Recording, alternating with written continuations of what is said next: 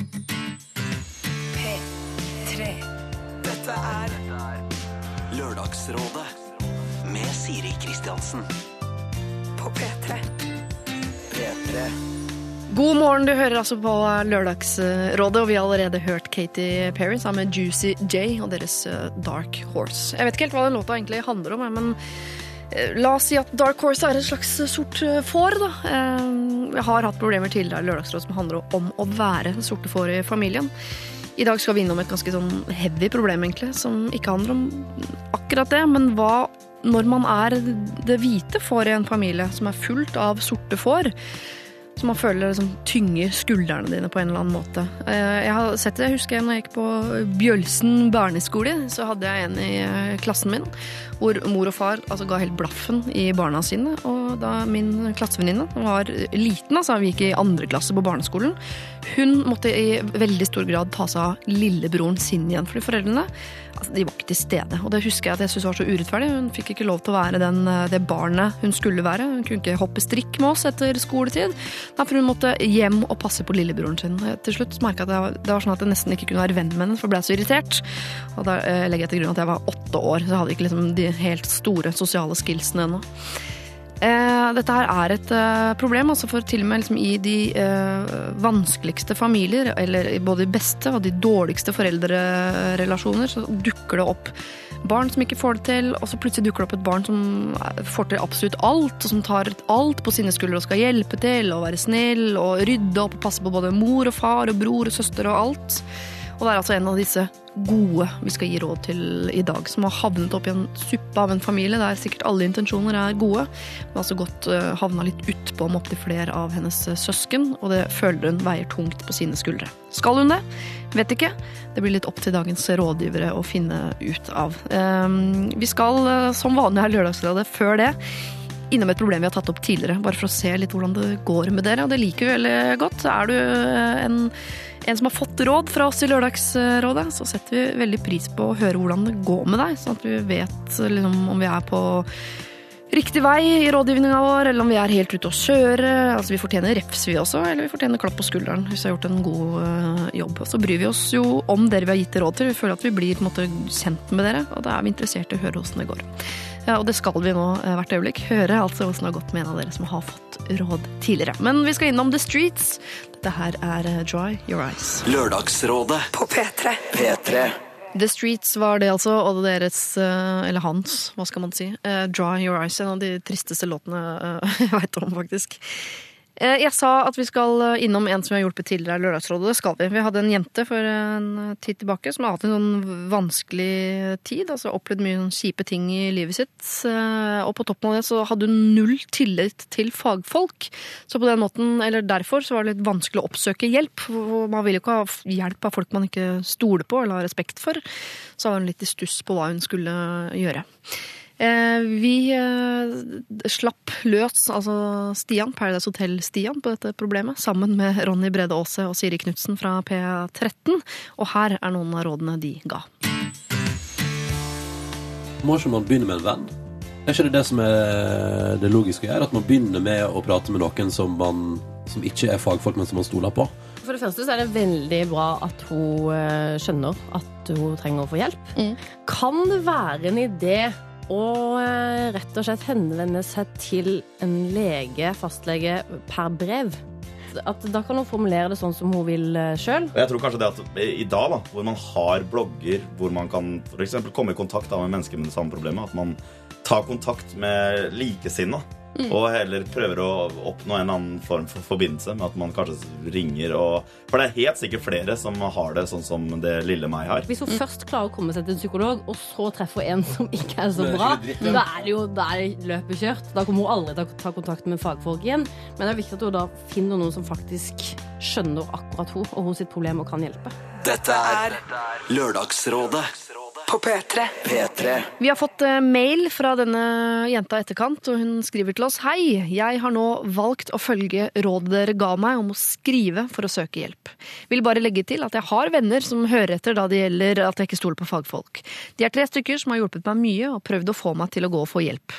De har gitt meg råd, eh, og fått meg med dere til å søke hjelp. Jeg har prøvd å søke hjelp fra andre som har opplevd noe av det samme som meg, men det har virkelig ikke gitt meg noe, for da ender jeg opp med å hjelpe mer enn å ta imot hjelp. Så nå har jeg sendt mail til studentpresten på skolen, og dette ser ut til å fungere. Vi har fått mailkontakt, noe som er godt for meg, eh, men jeg kan også møte henne og gå på kontoret hennes. Så tusen takk for rådene dere ga meg. Da ser dere, man kan få hjelp, altså. Så hvis du har et problem du vil eh, slippe løs på oss, eh, så sender du det inn til eh, lralfakrøll.nrk.no. Vi har hørt Spring Kings og deres Mamma, og før det faktisk Tiesto som i DJ. Tiesto. Er det det, eller? Red Lights. Jeg spør, eh, jeg spør mer enn jeg Ja, konkluderer. maten, maten full av mat. og. Munnen full av mat. Munnen full av mat. Jeg hadde tenkt å spørre Ken egentlig om akkurat det, for jeg tipper at han vet mer om musikk enn deg, Jenny Skavlan. Jeg vet ikke. Jeg merker at jeg også ble veldig sjokkert at det var en Tiesto-låt her nå plutselig. Så da følger jeg tydeligvis ikke godt nok med. Eller veldig eh, dårlig med, siden det da kanskje er noe fra 90-tallet. Men er det DJ Tiesto, tror du? Det er vel ikke flere Det er ingen som Han, har- han har begynt å kalle seg bare Tiesto nå, tror jeg. Så hvis det er det det står, så Ja, er det nok står det det er. Står Tiesto. Christer Torjussen, du er også rådgiver i dag. God morgen. God morgen. Er du gammel Tiesto-fan? Sto du og danset i bukse med skjørt over? Jeg føler at han liksom er sell-out nå. Jeg var Ja. hardcore før, men eh, nei, vet du hva, jeg har aldri vært på Tiesto-party. For det det er, folk står og roper sånn 'Tiesto!'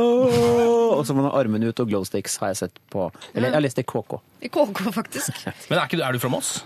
Ja, har Ja. det noe å si? Eh, Nei, ja, jeg syns det. Jeg syns jeg absolutt er. Eh, Jeg, bare, jeg var jo i Moss på 90-tallet mye. Og Fordi fordi, du var jeg, derfra, fordi jeg er fra? Moss. Ja, ja. så jeg var ikke vanskelig å komme seg unna derfra før 90-tallet. Men jeg rakk å flytte derfra før det, og så er jeg jo ja. veldig, veldig gammel. Jeg er 44 snart. Så det er men to mossinger eh, med i sendingene dine. Ja. Sier man mossing? Ja, Ja. det syns jeg man sier. Måsa. Nei, Det sier man ikke det gjør man ikke. Da, da fornærmer vi. Men jeg tipper jeg er den som er mest i Moss. Av oss fire, da, her til stede. Hvorfor det? Du bor For jeg bor i Son, og hvis jeg skal handle på noe annet enn Kiwi, så må jeg på Mosseporten, for eksempel, som jeg mener er i Moss. Mange fra Moss mener er utenfor. Jeg har vært på Hoppern ungdomsskole i Moss to ganger de siste ukene. Oi. Hva i alle dager? Hvorfor? Fordi jeg og Fretex skal eh, vise dem at man kan gå med gjenbruk på, på den store skolefesten. For det har blitt en, en eh, tendens hvor alle skal kjøpe seg kjoler til eh, 40 14 000. Ja, det hørte jeg når de begynte å si nei til sånn kjoleskift og sånn. nå. Ja. De skifter kjole Ja.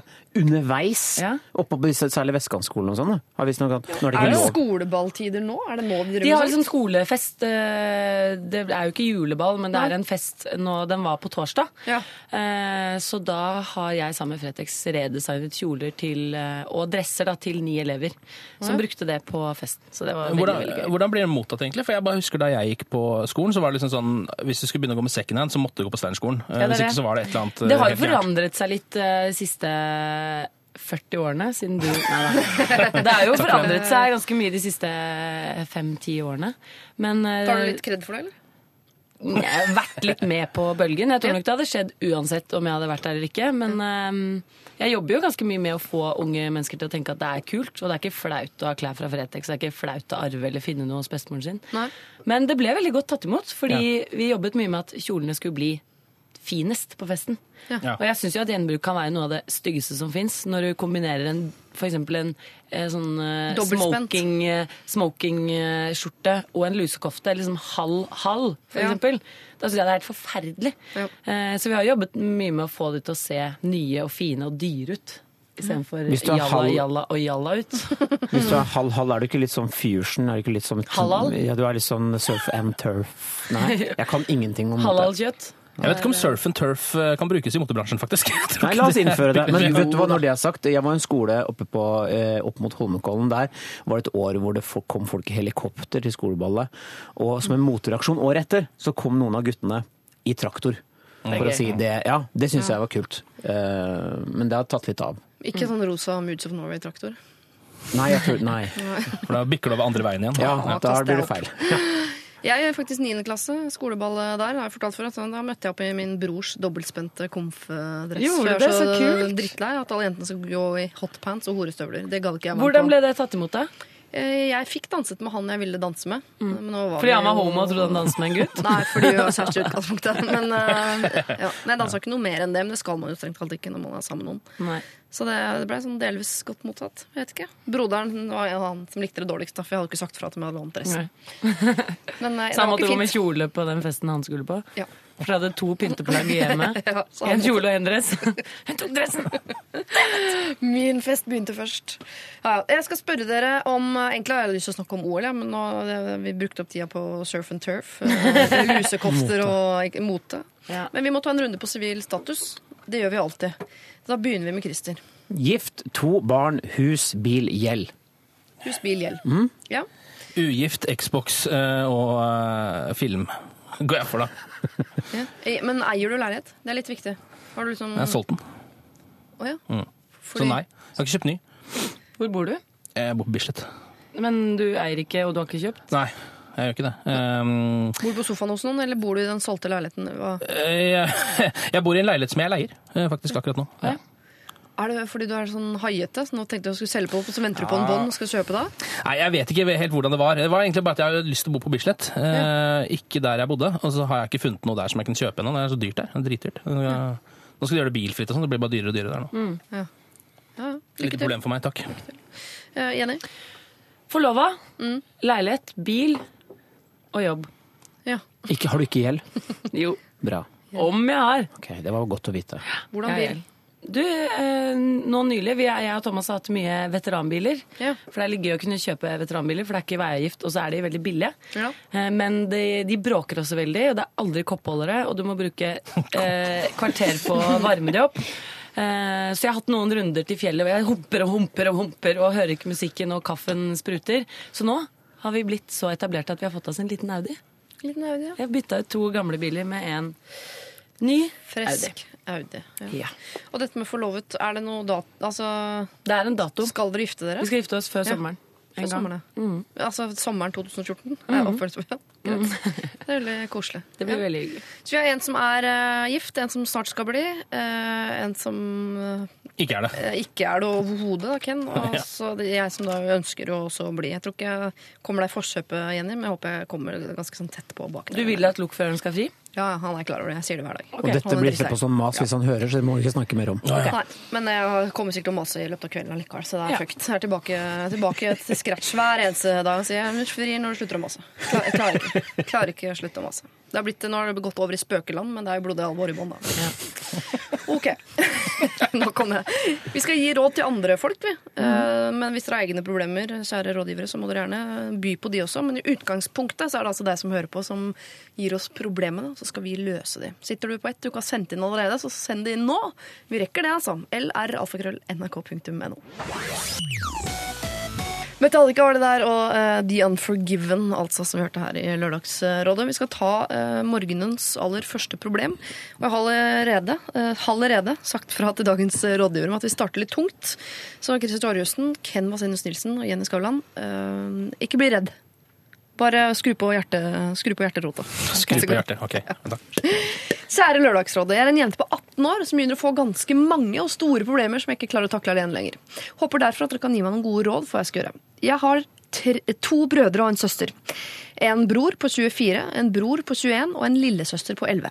Min eldste bror har hele tiden vært eh, englebarn inntil han for to år siden flyttet hjem igjen fra New York, der han studerte. Bare koselig å få han hjem igjen, egentlig, men problemet er at han har blitt værende oppå loftet siden han kom hjem. Jeg tror han har fått en slags sosial angst som kommer av en uvane han og min andre bror på 21 har. De er nemlig avhengig av hasj og røyker dette hver dag.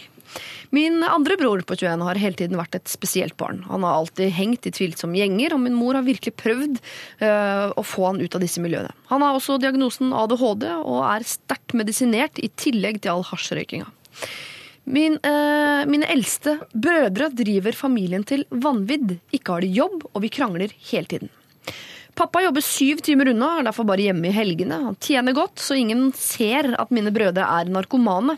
Mamma derimot er hjemmeværende, så hun er altså hjemme hele tiden og krangler med brødrene mine hver dag. Han, eh, Broren min han på 21 han er blitt veldig utagerende. Eh, Får han ikke penger, eller noen sier imot han, så ødelegger han ting og kaster det rundt seg. Eh, Da er det jeg som må rydde opp etter han, fordi mamma gråter og trekker seg unna. Lillesøsteren min på 11 får jo med seg alt dette, og jeg tar henne med meg ut på tur eller lignende når alt er som verst for å skåre, skåne henne. Jeg vet ikke hva jeg skal gjøre. Jeg flykter til eh, typen min i helga, eh, men bor hjemme i ukedagene for å hjelpe mamma og pappa borte. Jeg er redd for fremtiden til min lillesøster, og jeg ser at mamma er helt utslitt. Jeg har ikke fortalt dette til resten av familien, bestemor osv. Jeg tror nemlig mamma føler seg skamfull og er redd for å fremstå som en dårlig mor. Hun nekter dessuten å kaste ut brødrene mine, for hun er redd for at de vil havne på gata i Oslo. Kan dere være så snill å hjelpe meg? Hilsen sliten jente. Wow. Å, det var mye. Ja, Hun er 18 og bærer, altså, og jeg vil påstå at hun bærer familien på sine skuldre. I hvert fall i ukedagene. Ja. Jeg tenkte jo umiddelbart at eh, dette er voksne gutter, alle er over 20. De har ikke noe hjemme å gjøre. Men så kommer jo det på slutten at uh, da er hun redd for at de skal havne på gata. Ja. Så jeg tenker jo at de må ut, men de må, man må gjøre noe så de ikke havner f.eks. på gata. Men et, eh, da er det fem barn totalt. Disse tre guttene og to uh, yngre jenter. Nei, to gutter. Det er to gutter. Ja, To store gutter, og så En en, jente i og så det midten, og så en Ja. Men altså, man må jo få sysselsatt disse to gutta. Fordi de er jo i den alder hvor man må begynne å leve livet. og Ikke sitte hjemme og røyke hasj hele dagen. For han eneste hadde studert i USA, var det så? Kom hjem med sosial angst. Ja, Ja. og begge to er da, de er ikke i jobb, noen av disse brødrene per nå. Nei, Utgangspunktet hans er jo bra i og med at han har vært borte og vært på skole. Eh, Nå vet vi ikke noe om den andre, men som du sier, Kenneth, det er jo to voksne gutter som må sysselsettes. Jeg vet ikke, Fins det noe, sånn der- finnes det noe hjelpeapparat der ute som kan gå inn i en familie på den måten uten at det er påtrengende? Gjør det det? Når de er over 18, jeg vet ikke, da tror jeg de må oppsøke det selv. Ja, Men barnevernet kan jo komme fordi den yngste søsteren er 11. Ja, men det er vanskelig å tenke deg Det er døra. Det risikoen risiko at de tar fra. Det er- da er det huset forsvinner, så sitter de med, sånn, ja. med Det, vet du, det er bare liksom. det barnevernet kommer på døra. er- Det er, det er en sånn setning som nordmenn ikke vil engang tenke på. Nei. Ja, det må vi egentlig snu, for de er eh, bra folk. Altså. Ja ja, men det vet du hva, jeg sier ikke barnevernet er bra. Det Ja. er folks innstilling til at da tror de at nå tar de barna våre. Det Ja. er det som er problemet. At det er, det er en øh, forskjell her, da. Ja. Men hvordan man, vi skjønner, ja, altså jeg skjønner jo at hun er eh, Jeg skjønner moren her, som er redd for å sette dem på gata. og Sånn. Så er det vanskelig avveining der. eh, de må jo få noen krav snart. Eller må jo få, altså, for nå surrer du bare hjemme og eh, får maten servert og penger til hasj. Og, ikke sant? Nå får du virkelig liksom, alt på fat. Så du må jo uh, tvinge de ut i en eller annen situasjon, men samtidig så vil man ikke tvinge de ned på plata. Nei, fordi altså, det er jo det jeg også tenker at uh, Disse to gutta er jo tydeligvis litt sånn eh, er jo gode kompiser også, de to brødrene, virker det som. Eller Ja. kanskje bare de har sin forkjærlighet for eh, narkotika. Det er det eneste som bringer de sammen, det vet jeg ikke. Men, ja. Blod og narkotika. sånn, Blod og narkotika. Ja. Men uansett så tenker jeg jo at altså det som høres ut som for, for meg som er liksom noe som burde skjedd her, er at de to burde dratt og studert et eller annet sted, og bodd kanskje sammen der. Og prøvd å gjøre noe med livet sitt der. Litt bort fra familien, litt på egen hånd, men allikevel sammen med noen som bør være trygg for de da. Ja. Hvis de er to, så er det lettere enn å være For det er jo et godt tegn at han eldste Bare det å komme seg til New York og studere Det er jo veldig mange som tenker på det, men aldri gjør det. Ja, ja. Alle eksempel, tenker jo på det. ja. Alle vil til New York og studere. Men det at han har gjort det, mm. og kommet seg dit, pakket bagen sin, eh, fått seg studie, mm, eller hva man får, Ja. det er jo et veldig godt tegn for at han er en som faktisk kan få til ting. Ja. Eh, For det er jo det jeg ser. Jeg har jo også sett de som på en måte har gått i hasjfella. eh, som- Det skjer jo så lite. De klarer jo nesten ikke gå til butikken engang. Det blir det at ting blir utsatt og ingenting blir gjennomført. Ja. Så han har jo en gjennomføringsevne som han har det virker vist som om tidligere. det med hasj har kommet inn nå tidligere. Kanskje altså det er han han yngre, yngre broren som har Påvirka. påvirka. Ja. Eh, Jeg tenker at de ikke burde dra noe sted sammen. Eh, Jeg tenker at de må eh, bort og vekk og ut og, og jeg vet ikke, Hva er talentene? Hva har han studert? liksom? Det må jo være en lidenskap der for et eller annet han Ja, så reiser man over dit, så er det jo et eller annet man studerer som man er interessert i, Ja, åpenbart. Å Da. dyrke det. Men det er ingen tvil om at uh, hasj er passifiserende, som, som det blir sagt her. Og det er også der, men det at man kan jo i prinsippet heller ikke bare tvinge de ut, og så sende dem Det er en veldig, veldig intrikat sak. Og det er jo to leirer, da. Det er disse to Ja. jentene eh, som åpenbart ikke er der brødrene er. Og, og, Ennå.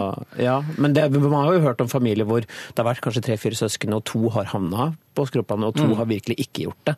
Så Vi kan jo, altså, bare for å, å sparke oppover, Stoltenberg-familien. Det er bare deilig å trekke fram som et eksempel her.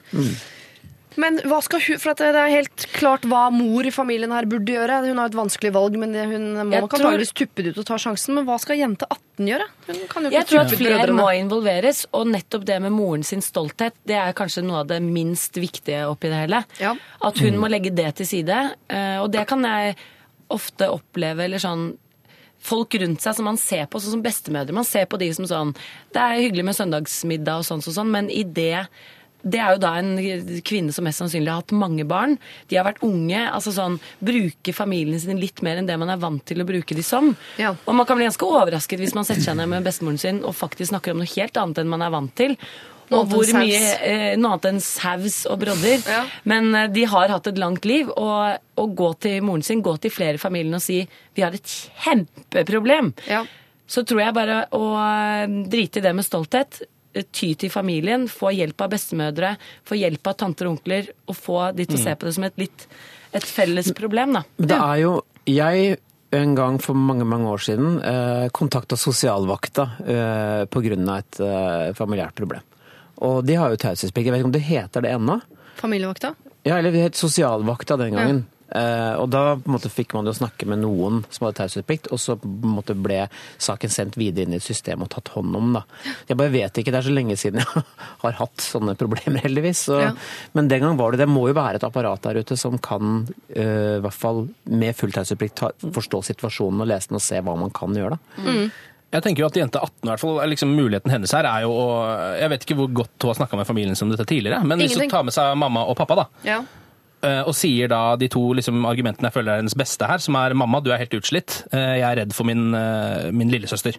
ja. Som kanskje er liksom de to For disse to jeg tror ikke det er liksom Disse to gutta får man ikke så mye sympati med uansett, siden de bare sitter oppe på loftet og røyker hasj, liksom. Så er det litt sånn der, ok, de får noe å holde på. Men uh, når det begynner å gå utover andre, og med en gang mamma da får høre dette fra uh, dattera si, så vil du sikkert tenke dette her er jo akkurat det samme som jeg tenker på. Det er flere Ja. som tenker på det, det er ikke bare meg. Uh, og da vil den stoltheten også kanskje litt sånn Her har jeg jo faktisk rett. ja. Så her kan jeg jo faktisk gjøre noe. Her må vi jo gjøre noe. Og hun, er, er, og hun er helt sikkert ikke alene, hvis du skjønner. Det er mange som har et hjem som er på en måte i ferd med å gå i oppløsning fordi at det ikke er kommunikasjon internt, og det er stolthet, og det er sånn man kan jo ikke, Jeg kan jo ikke kaste de ut, men allikevel et problem å ha det hjemme. Så øh, ja, alene er hun i hvert fall ikke, og det sitter sikkert noe med kompetanse, men øh, det må vi prøve å finne ut av, hvor hun kan henvende seg. Ja, og Det er vi i hvert fall vel er enige om, at jente 18 skal ikke bære dette her på sine skuldre. Det flere må involveres. Og Ja. som hun sier, det, er ikke, det er ikke noen som vet at brødrene mine er narkomane. Faren tjener godt, er nesten ikke hjemme. Moren vil ikke snakke om det. Så virker jo som at bortsett fra denne familien, så er det bare vi som egentlig Vet om det. vet om det. Ja. Eh, Så jeg tenker at første steg er å involvere andre. Ja. Eh, Og det tror jeg vil føles som en enorm lettelse, bare å si det til noen andre som kan ta litt grep. ja. Um, Jeg for her er det jo eh, søster på 11. Eh, Hun må jo på en måte han må jo sørge for at ikke hun også går i den retningen. Og de brødrene på 21 og 24 også kan fortsatt måtte reddes. Nå høres ut som de er helt ute. At de røyker hasj og er passive og sånn. De er ikke liksom, de er ikke massemordere, på en måte. Eh, Men jeg syns hun skal snakke med faren sin. Jeg hadde krevd pappa. Du kan faktisk ikke jobbe syv timer unna, fordi familien din er i ferd med å gå i oppløsning, og mutter'n er utslitt. Så du, da må du ta permisjon eller få deg en annen jobb. Eh, Og så kunne jeg snakket med eldstebror. For sånn, hva skjedde med deg? Hva skjedde i USA egentlig? For du var en fin fyr og kom hjem, og så er du helt herpa. Og så har jeg kunnet snakke med barnevernet eller hvem det er når man ringer til nå og varsler om hvis man har en bekymringsmelding, som det vel heter om dagen. Og ikke minst familie. Jeg er enig med deg, Jenny. Drit i stoltheten til mamma. Fordi jeg tror alle skjønner nå at det er ikke mamma sin skyld at gutt 21 av ADHD for eksempel, er utagerende. Eller Det er åpenbart en familie som ikke snakker sammen i det hele tatt. som Fordi- de fleste Ja. familier har inntrykk av. Det er det jo, men ja. det kan, er ikke sikkert det er like lett for henne å gå til faren sin og si du pappa, vi har et kjempeproblem. Ikke sant? Det kan Nei. godt hende at dette er total fornektelse og bare det, altså alle gardiner ned. Altså, det er jo veldig mange som har det sånn. Ja. Men hun er åpenbart veldig sterk, så jeg syns hun skal bli litt sånn tommel opp til henne. Og jeg tror det kommer til å gå veldig bra med søsteren hennes, i og med at hun allerede antakelig skal måtte bli voksen i veldig veldig fort, eller fort og Ja. for tidlig alder. Og det er i hvert fall håp for folk når det finnes sånne som henne, da. Som Og hvis hun er sterk, så trenger hun ikke å bruke styrken sin på å bære familiens sånn falske greie. Hun kan jo bruke den på å røske opp med rota. Da. Det blir sikkert vondt, det, men eh, Men det må hun gjøre, antakeligvis. Rett og slett. ja. Men jeg ville bare starta med å snakke med mamma, eh, for å være helt ærlig. fordi det er ikke sikkert, jeg vet, Hvis ikke mamma vet at datter tenker dette engang, så er det, det er liksom med en gang disse tankene kommer. Å, ja, du tenker det samme som meg. Min datter Ja. tenker det samme som meg. Jeg har rett. Her må vi gjøre vi noe. Ja, Ja. vi er to i hvert fall. Alle går sikkert rundt og føler seg aleine Ja, Man må jo liksom begynne med å åpne kjeften, da, så får vi se Ja. når man skal lukke den igjen. Eh, sliten jente 18, dette er ikke, det er ikke din oppgave å bære det på dine skuldre. Du er 18 år, er, du har veldig mye annet du skal drive med. Men uh, du er jo helt åpenbart en veldig snill jente. Og da skal du bruke det og styrken din på å få kommunikasjonsapparatet i gang. Og du velger selv hvem du involverer og hvilken rekkefølge, men her føler jeg at alle må begynne å snakke sammen. Og da må du begynne i en ende, om det er moren din eller faren din, eller bestemor eller bror. eh, Eller ta en telefon til eh, å sende en bekymringsmelding. Det velger du litt selv. Men eh, bruk altså styrken din på å få i gang kommunikasjonen i familien. For det er ingen der som egentlig er aleine. Keen med 'Everybody's Changing', som jo er fortsatt en av mine favorittlåter. Selv om jeg føler meg veldig alene om det. I hvert fall hvis jeg finner meg et rom sammen med gutter. Da ser de ofte på meg som en sånn stakkars dumme lille jente, du vet ikke hva du snakker om. Men sånn er det i hvert fall. Og før det Metro og deres eh, Cut to Black. Vi trenger ikke å ta den opp, eh, Ken, Christer, på hva dere tenker om Keen. For jeg vet det er bare vi jenter som liker Keen, Jenny. Men du gjør det kanskje ikke du heller. Jenny liker soul, har vi Ja, lært. soul. Soul, ja. ja. Der er ikke Keen så sterke. Nei, det er ikke Vi tok ikke det valgfaget på musikklinja, på en måte. Ok, vi skal ta et uh, problem som handler om noe helt annet. Eh, jeg leser. Kjære Lørdagsråd. For en tid siden reiste kjæresten min på guttetur til et sted jeg gjerne vil besøke. Siden det var guttetur, var det jo totalt uaktuelt at jeg skulle være med. Greit nok, det. Nå har det seg sånn at turen var en såpass suksess at han skal tilbake neste år. Men også denne gangen på guttetur. Så heller ikke denne gangen kan jeg være med han. Jeg kunne ha reist dit på jentetur eller whatever, men eh, det er en ganske dyr reise, og ingen av mine venner eh, som har dårlig studentøkonomi, har lyst til å reise dit. Altså, den eneste jeg kjenner som vil dra til dette stedet, er kjæresten min. Som skal dit. Men jeg får faktisk ikke være med. Er det veldig urimelig av meg å bli lei meg for at ikke jeg får være med? Det mener nemlig han. Vil ikke reise alene en uke etter at han har vært der med gutta. Liksom. Hilsen frustrert og rådvill jente 25. Ja. Jeg er veldig nysgjerrig på hvor det er. Jeg òg. Ja, Hva ja, ser dere for er dere? det? Jeg tenker Peru. dere for dere? Det kan like godt være liksom et sted langt i, i Nord-Norge som det kan være liksom eh, Miami. Altså, jeg vet ikke. 25 Miami, nei. Jeg tenker sånn eh, Riga, nei. Budapest. Kanskje sånn alpetur? Og Ja. sånn Machu gutta Picchu. drar på Kanskje noe sånt. Som de drar tilbake til. Man drar ikke tilbake til Machu Picchu på en måte året Nei, det gjør man ikke. Det er sånn tradisjonssted. Jeg tenker, jeg ser for meg Sankt Anton. Ja, det er enten det eller sånn type, liksom, et sånn Øst-Europa-hovedstad, sånn Praha. Eller Ja, sånn, det er liksom Dit kan man bare dra. Ja. Dit. Kanskje det er den derre turen Leste dere en sak nå på side tre? Som ble delt veldig mye på Facebook og sånn nå. Eh, som er en sånn guttetur. Du kan dra til Budapest. Og skyte villsvin? Og, og, og skyte med våpen. Og du, kan, du får strippere, og det er ølstyrting. Det er bare sånn, det er sånn mannetur med stor M. Er det dit frustrert og rådvill jente så innmari vil? Kanskje Nei, det tror jeg men ikke. Hun vil til Budapest. Oh, ja, sånn, hun ja. vil på sånn, sånn bad Men sånn. Men han sier Han legger jo, pakker jo inn denne turen som noe helt annet. Ja. Men han er på machotur. Og det regner jeg med at de vil tilbake til. Fordi den saken her, Tror du det var er såpass, altså? Er det så gærent? Kanskje. For jeg tror Hvis det er sånn dagen du kommer hjem, så er det sånn Dette gjør vi til neste år òg, dere. Da skulle det være ganske sånn frelst. For det der er noe av det verste mennesket, liksom. er verste mennesket jeg har sett noensinne, de gutta. Altså virkelig noe av det verste jeg har sett, og, og det de holdt på med. Men jeg tror la, Kan vi ikke holde på at dette var en guttetur? Man liksom går ut og fester og har det gøy, gutta sammen. La oss, kan vi prøve å holde skyting og tits utafor, bare for Ja. hennes skyld? Ja, men jeg bare tenker, det kan må jo være noe faktor. Det spesielt. kan være en viktig faktor. Det må være noe spesielt med den byen. Jeg er også en sånn, jeg og venninnene mine drar på storbytur eh, en gang hvert et eller annet år når vi får det til. Men det er ikke noe sånn Vi var i Barcelona ett år, og da var vi sånn Jentetur er gøy, hvor skal vi neste gang? Så ble vi enige om Amsterdam, ikke like vellykka. Men, men det er jo litt sånn, det var gøy som en gjeng. Hvor Ja. skal vi dra neste gang? Det må jo være noe med, med det stedet. stedet som er noe spesielt. For hun er sånn Det er ikke så mange som vil dit. Jeg vil dit. Han Hva er det med dette stedet? Ja, det er noe mystisk. Det er ikke, jeg jeg er helt enig, det er ikke Berlin eller noe sånt. Jeg, jeg, det er håper at, jeg, Det jeg, jeg håper at det er det, men det, det kan like godt Ja, OK, da. Jeg blir med på at det kan være noe, noe snusk her. Eh, om ikke kjempemye, kanskje litt. Ja, ja, ja, nei, jeg, trenger ikke, jeg tenker ikke at det må være snusk, men jeg tenker at det må være langt borte. Det er ikke en sånn klassisk. Det er ikke Men så her er spørsmålet, har hun lov til å bli såra og lei seg for at ikke Ja. Og det, det har hun. Ja. Det, selvfølgelig. Men jeg vet jo også sånn hvor jeg, har sett, jeg reiste til London med, med gutta en gang i året. Jeg syns det er fryktelig stas å bare være sammen med gutta. Og, men heldigvis så er jeg ikke, en, en, er jeg ikke gift med en som sier 'jeg vil også'. Nei. For det lar hun meg gjøre, da. Men, Ja. Men hun sier jo ikke det her. Hun, hun Der- vil jo ikke være med på gutteturen. Det var det jeg kanskje Nei, trodde du skulle ende i, og det var jeg litt glad for. For det syns jeg ikke hun skal. Hun vil til det stedet, og hun har ingen å dra dit med, bortsett fra kjæresten din, men han skal dit med noen andre. Altså, det er, det er jo tilfeldigheter, Han dette skal her, dit på en to ganger med noen andre. Ja. Jeg ville Kanskje- prøvd å få kjæresten min til å dra på denne gutteturen, men dra et annet sted. Eh, fordi en guttetur handler jo først og fremst om at det er gutta, og om de sitter på en pub i Irland, eller om de sitter på en pub i England. Ja. Eller er Irland er vel i England? Irland er ikke England. Nei, Lang, Irland er i veldig lang konflikt. Ja, så. Ja. Så lenge de er på en pub, Ja. så driter de litt i hvor den puben er. Ja, men jeg tenker sånn øh, Kan ikke Hun sier at hun har ikke lyst til å dra dit en uke aleine en annen gang i visshet om at han har vært der med gutta. Men kan man kombinere det på den måten at han stikker dit med gutta, men blir en uke lenger, og da kommer hun ned? Ja, Det er godt det er sikkert perfekt. Fordi det, det koster jo ikke så mye for han å bli der en uke lenger. Det er jo det å komme seg fram og tilbake ofte som er den store utgiften. Ja, Det er jo faktisk en uh, nesten litt for praktisk løsning, syns jeg. Men det er ikke sikkert han er med på det. For da tenker, jeg vet ikke. Ja, men da er han dust.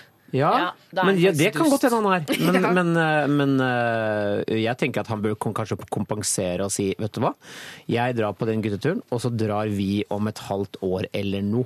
Det er, det, ja, Ja. det er mye Ja. lettere å gjøre. Ja, jeg tenker Økonomisk er det bedre å slå det sammen. på en eller annen måte. Ja, eller dele det opp. Jeg ville si sånn, Nå drar jeg sammen med gutta, da, og så drar vi til sommeren. Eh, Det er taktisk hvis han har lyst til å være sammen med denne jenta, frustrerte jenta lenge. Ja. Så er det lurt å legge inn sånne knagger, som vi kaller det hjemme. At man vet man har noe å sette- se fram til man skal gjøre sammen. Knagger. Ja, for jeg er helt enig med at hun skal ikke, uh, hun skal ikke sutre seg inn i den gutteturen. Nei, det går jo ikke. Nei, nei, nei. Nei. Nei. Nei, det kan hun ikke. Nei, er Eller hun bra. kan, men det blir dårlig stemmende. Eller rart. Awkward. det er veldig awkward. Uh, Jeg ser jo for meg at den der gutte, Siden det er så så mye snakk om den gutteturen, så er vel det liksom den, den ene gangen disse gutta virkelig er sammen i Ja, året, kanskje. det Det er jo veldig ofte sånn. Uh, Og da sitter egentlig jenta litt sånn uten rettigheter på den turen. Synes jeg, Du har ikke noe du skal si på den turen, den må du bare la være som den er. Ja. Eh, og da synes jeg også, jeg føler litt sånn derre Ok, men jeg får ikke lov å dra til det stedet. Jeg får litt sånn derre barnslighetsfølelse her også. At det er det sånn der, Men jeg vil også dra dit, der kjæresten min er der. Men Jeg hun har veldig lyst til å dra til den byen, da. Og Ja, sånn- jeg skjønner det, men jeg, skjønner- har jo også lyst til å dra til masse byer uten at det nødvendigvis ordner seg eh, over natta, det. Eh, Men så du det- kan ta med Xboxen din. Det Jeg kan ja. ta med Xboxen min, som jo eh, koster veldig lite å ta med. Det er sant.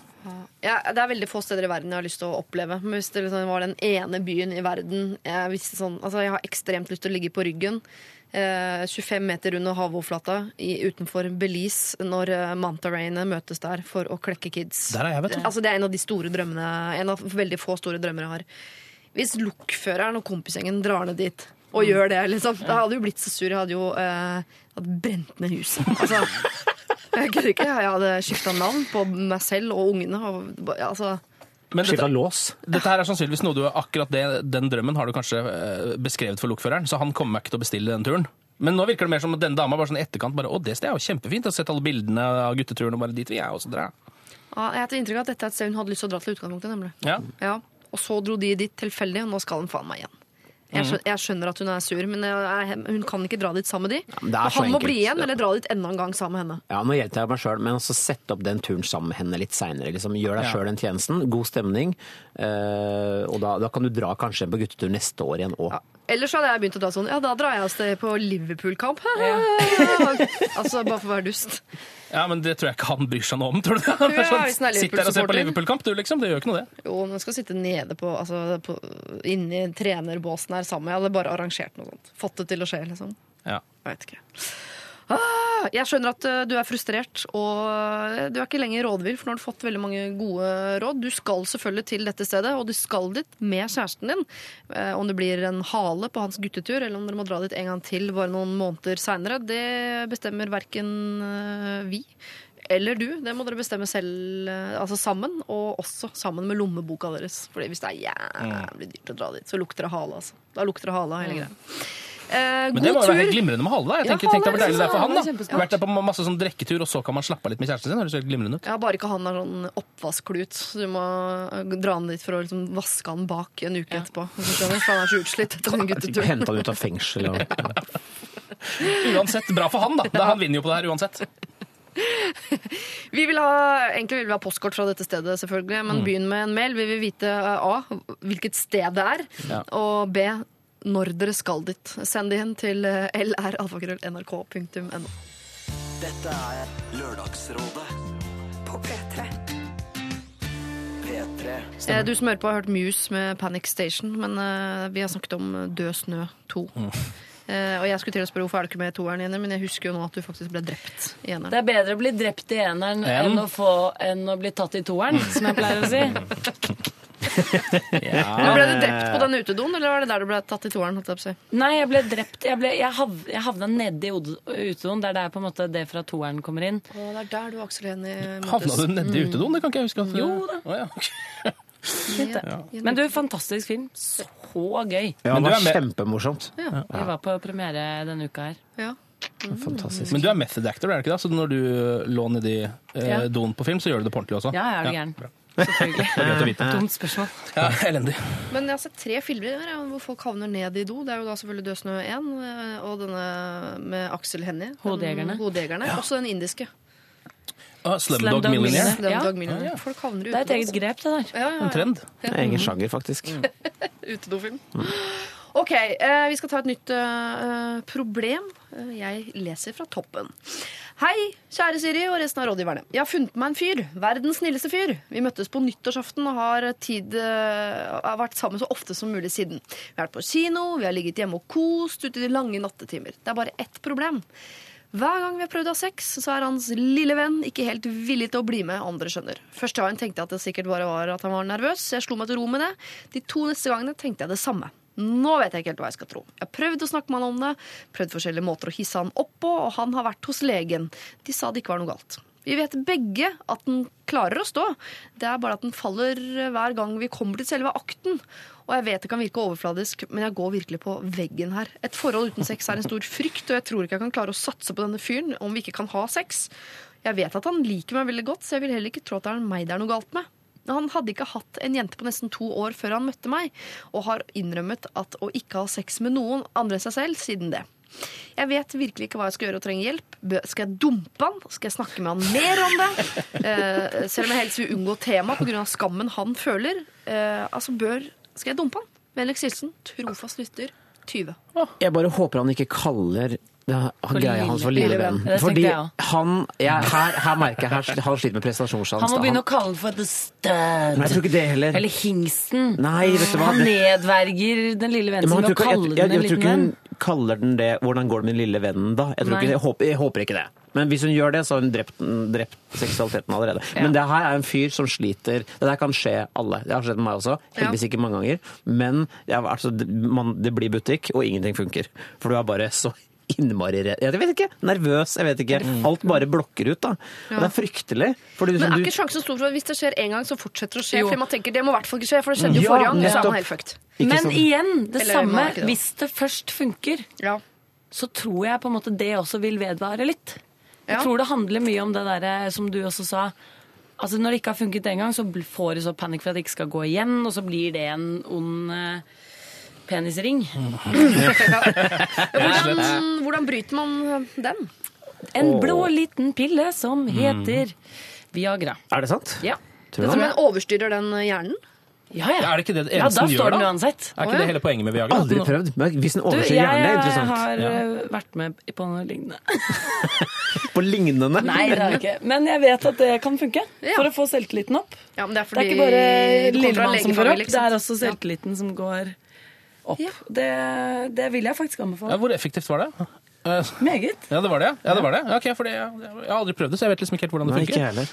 Heldigvis aldri hatt behov for det. Men uh, det kommer sikkert en dag. Men, Men er det ja. sånn da, og nå spør jeg deg som legedatter, altså, Mm. uh, at man tar det én gang, og da er selvtilliten så på topp at neste gang så går det av seg sjæl? Eller blir Altså, man avhengig av det? det vet jeg ikke, men jeg tenker at bare det at han skal få muligheten til å gi henne, en eh, skikkelig runde, Ja, eh, det tror jeg vil hjelpe Ja. skikkelig. ja også sjæl.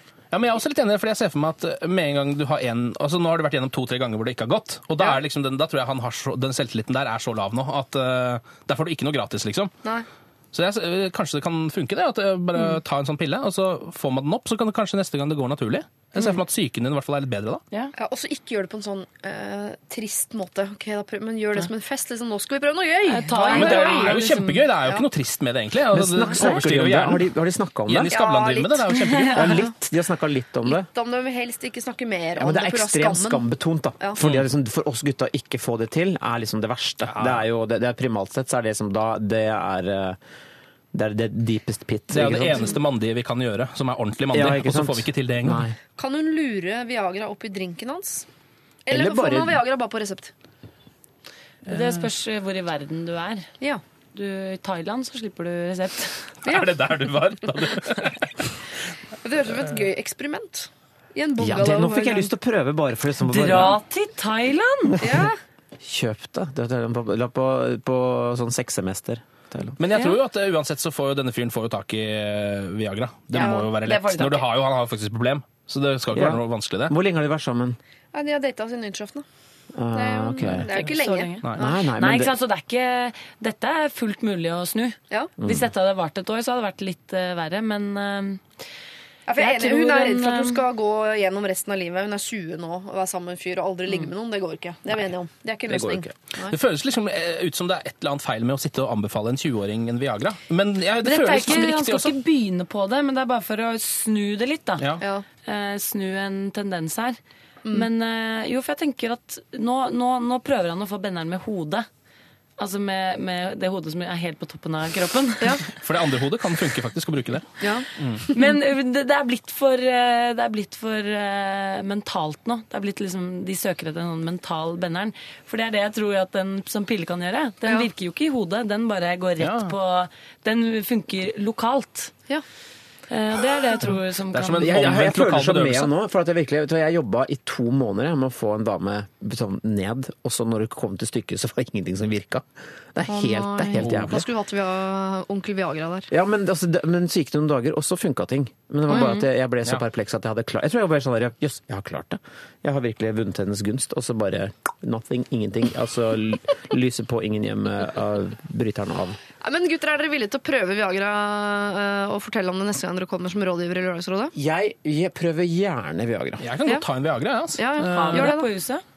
Nei, jeg har ikke noe liggende, men det skal da være mulig å få tak i. Men jeg er litt spent på hvor, hvor lenge er den oppe, Jenny? Ja, disse tingene kan du finne ut av.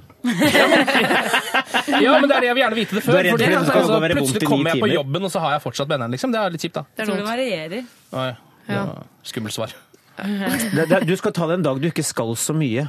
Eh, Ja. Samme dagen, tror jeg. Ja, ja, ok. da, du En dag jeg bare skal sitte hjemme, Ja. ha sex og eventuelt se på Premier League, da kan jeg ta en ja. Gjerne i Men jeg tror også at de skal eh, ta en sånn uten å gjøre det sånn Ja, nå må vi ty til medisin i dette. Men sånn Hei, vi skulle Gøy ikke bare eksperiment. prøve Ja. det! Det er dødsgøy! Så tar hunden en, og så tuller de litt med det, eller Ja. at de gjør det med litt humor.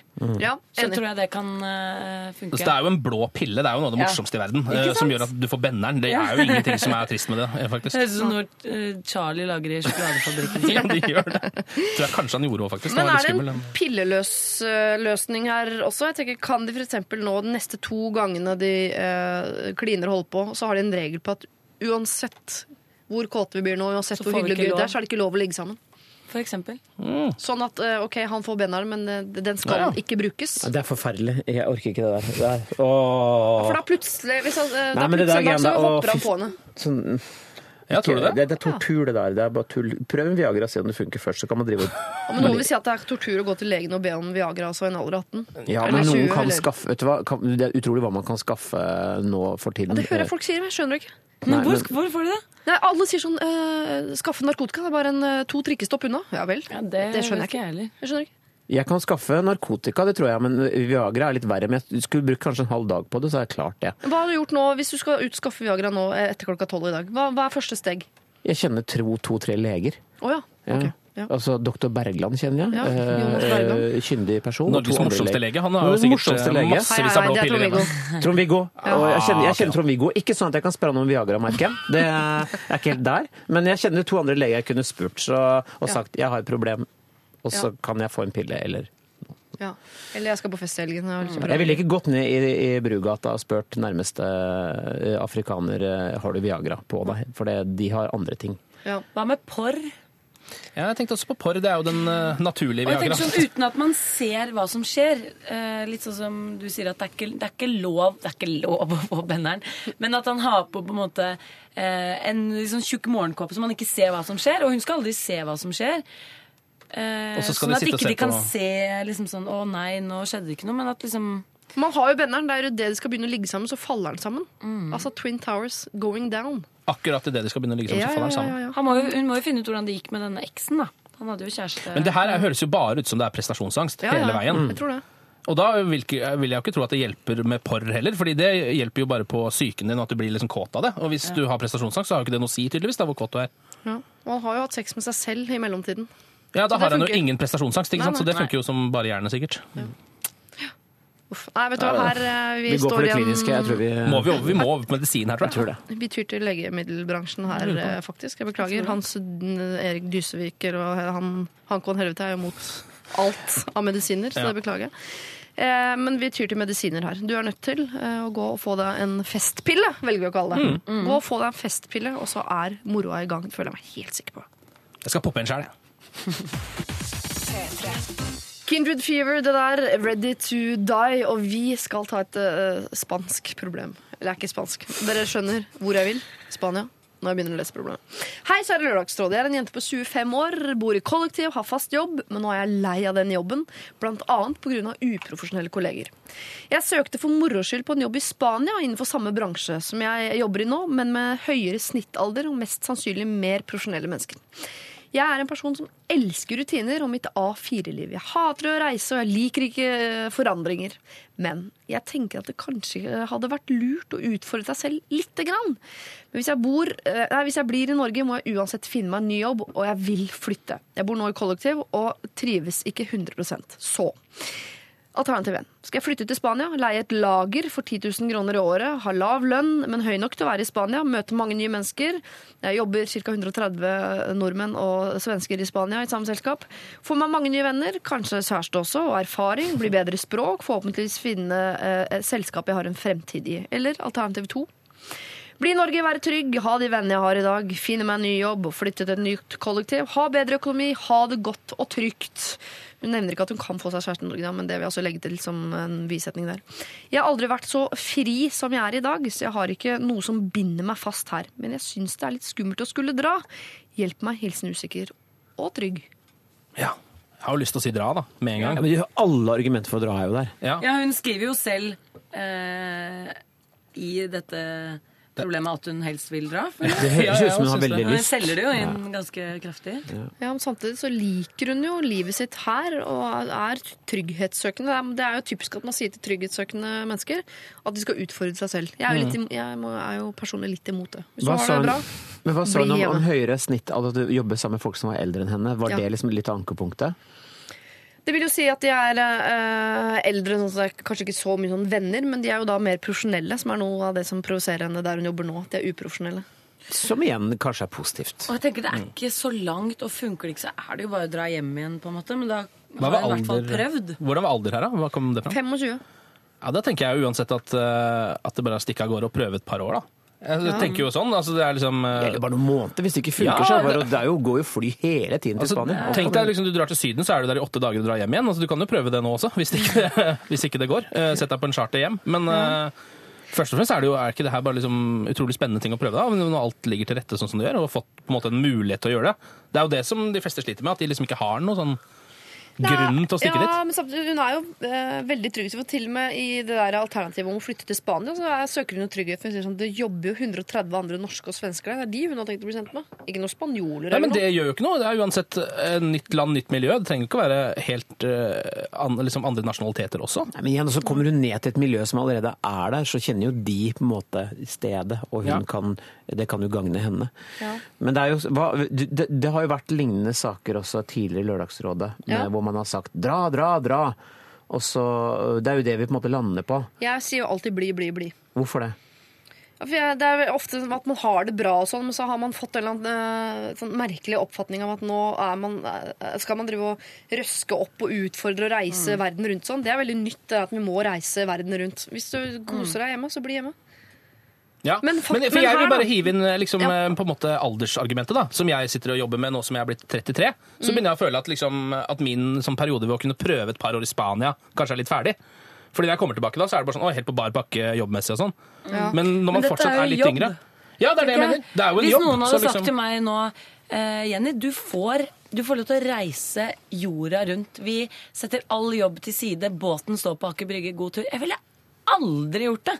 Selv om det hadde vært en fantastisk mulighet. Jeg ville sett hele verden. Jeg har ikke lyst til å utsette et år av livet mitt. Og jeg liker også på en måte det jeg, jeg liker jobben min, jeg liker hverdagen min.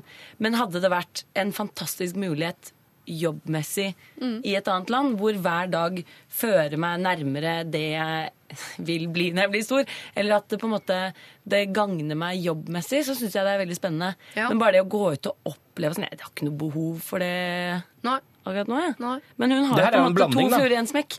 Hun får opplevd en ny by, et nytt miljø.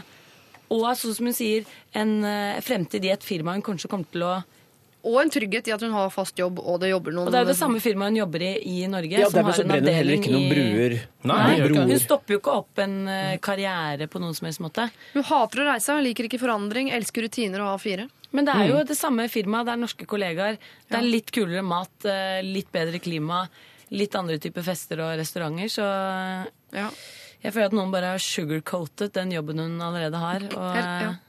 Det var veldig fint uttrykk. Si det en gang til. Sugarcoated. Sugar Åh, bra. Jeg lærer noe hele tiden. Eh, vet du hva, Jeg også som er eh, på Bli, bli, bli hjemmesida. Her er jeg på reis, reis, reis-sida. Altså, fordi jeg syns det der livet i Spania også høres ut som et liv som kan være rutiner og A4. Og ikke by på de helt store forandringene. Hvis du skal bare være i et annet land, snakke det samme språket du snakker hjemme, i den samme jobben du har hjemme. Så, Ja. Ja, for det er jo ikke ja. treårskontrakt i Buenos Aires, dette her heller. Det er jo, Spania er ganske nært Ja, det Norge. er altså. Og reiser sikkert fra noe type eller noe leilighet eller noe kids eller noe altså, ja, nei. Virker som hun også selv har en voldsom optimisme på å dra, egentlig. Selv om hun er litt sånn uh, trygghetssøkende, så er det liksom den der, bare det å skrive 'kanskje jeg kan få meg kjæreste i Spania', som hun sikkert har tenkt på. Og som du sier, så tenker du ikke på at du kan få det her i Norge. Nei. Så det er, virker som du egentlig har litt lyst til å dra, da, og vil bare at vi skal si 'dra', og så kan hun Og dra. så bra det er på CV nå å faktisk eh, Ja. gjøre sånne Ja, det, ting. Og hun ja. vil jo fortsette i dette firmaet. eh, og klager jo litt over dette kollektivet hun bor i. Kanskje hvis hun drar, så tenker de 'for ei grepa dame, dette fikset hun bra'. Eh, liten, eh, litt bedre jobb i samme firma. Kommer hjem, slipper kollektiv, kan bo i egen leilighet. Ja. Med typen eh, som heter Eduardo. ja, som Ja, er det rå på eller. Som er. Og Eller- trenger ikke Viagra, for å si det sånn. Eller Alexander, som jobber i samme firma. For eksempel. Ja, fra Sverige. Så de, kan de snakke om den perioden de bodde i Spania sammen. Å, husker du vi spiste serrano? Ja. Eller Ikke vær så voldsomt bereist når du kommer hjem. men Det er mye, tapasen er mye bedre i Spania enn på delikatessen. Det er mm. Det er den faktisk ikke. Oslo Så det, det kan jeg nesten skrive under på. Det er den ikke. altså. Nesten aldri. Eh, Men eh, jeg syns det er litt skummelt. Det er det eneste negative hun egentlig sier om det er Spania-turen. Men det er litt skummelt den tida framover uansett, for hun skal jo uansett bytte jobb og uansett flytte. Det er litt skummelt. Mm. Litt skummelt må man tillate livet å være. Hvis Ja. ikke så da snakker vi ikke A4, da snakker vi osteklokke og bomullsputer, liksom. Ja. Og fondue. Ja, Og litt skummelt smaker så godt Ja. eh, når det ikke er skummelt lenger. Når det er over den skumle perioden. Ja, når du bare sitter med ettersmaken. Det er den beste. det. Ja. Så kommer antiklimakset. Mm. Det er ikke like bra.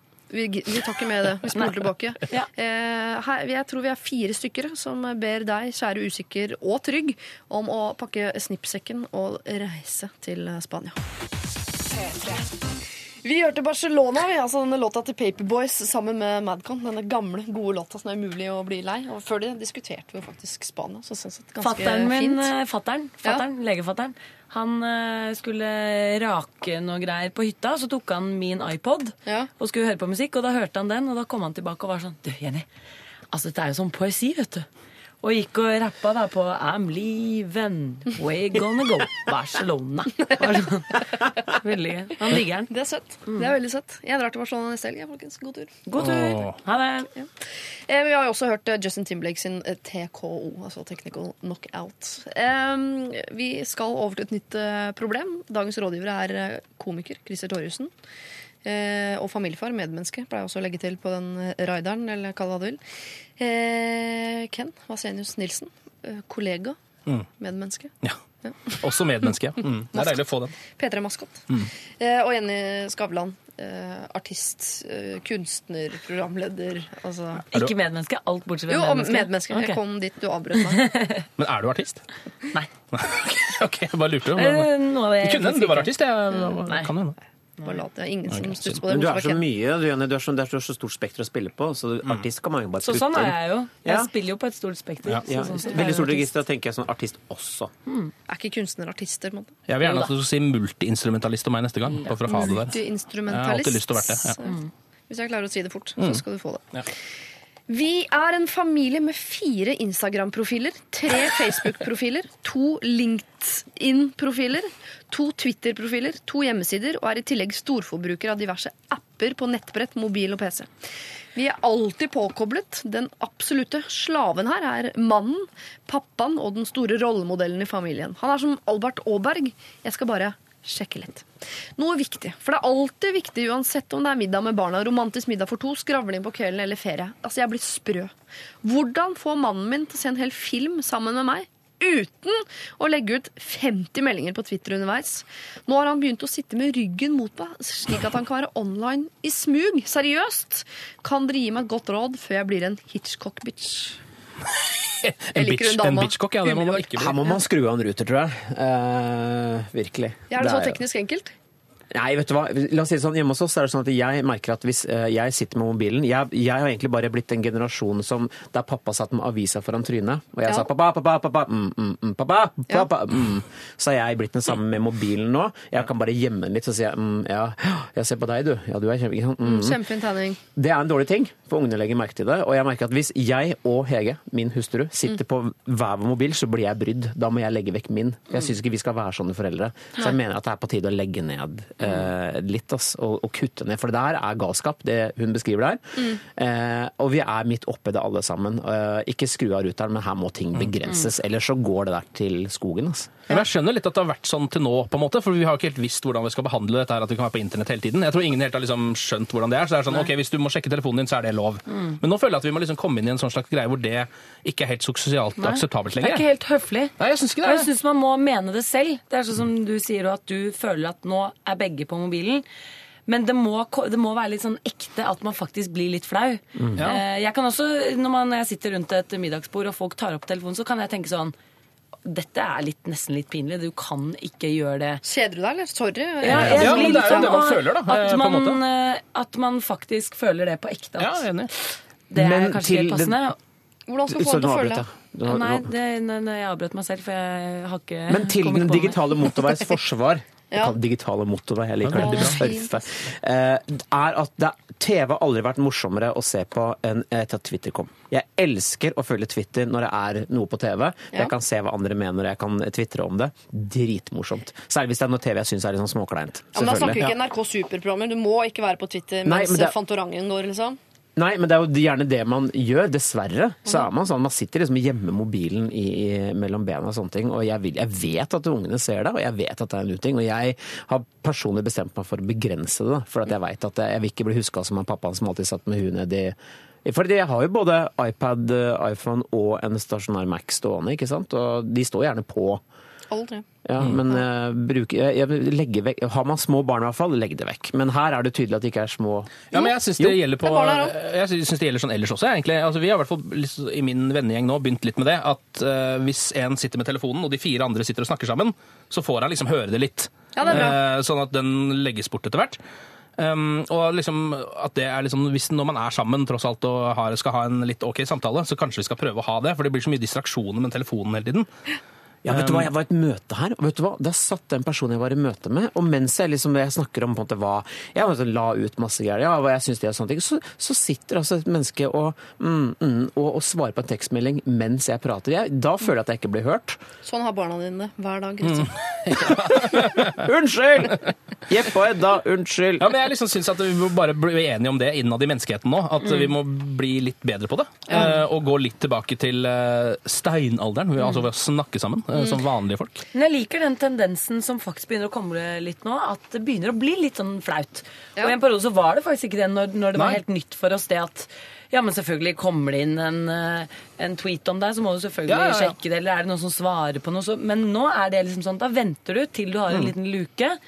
Og jeg liker den tendensen. Jeg håper at den fortsetter, Ja, ja, ja. og at om noen år så er det faktisk Så ser det Eh, like det er litt teit ut som å stå prompe rundt mobilen. bordet, liksom. Ja, eller å røyke. Som jeg så en dame som røyka på gata i går. Ble helt satt ut. Ja.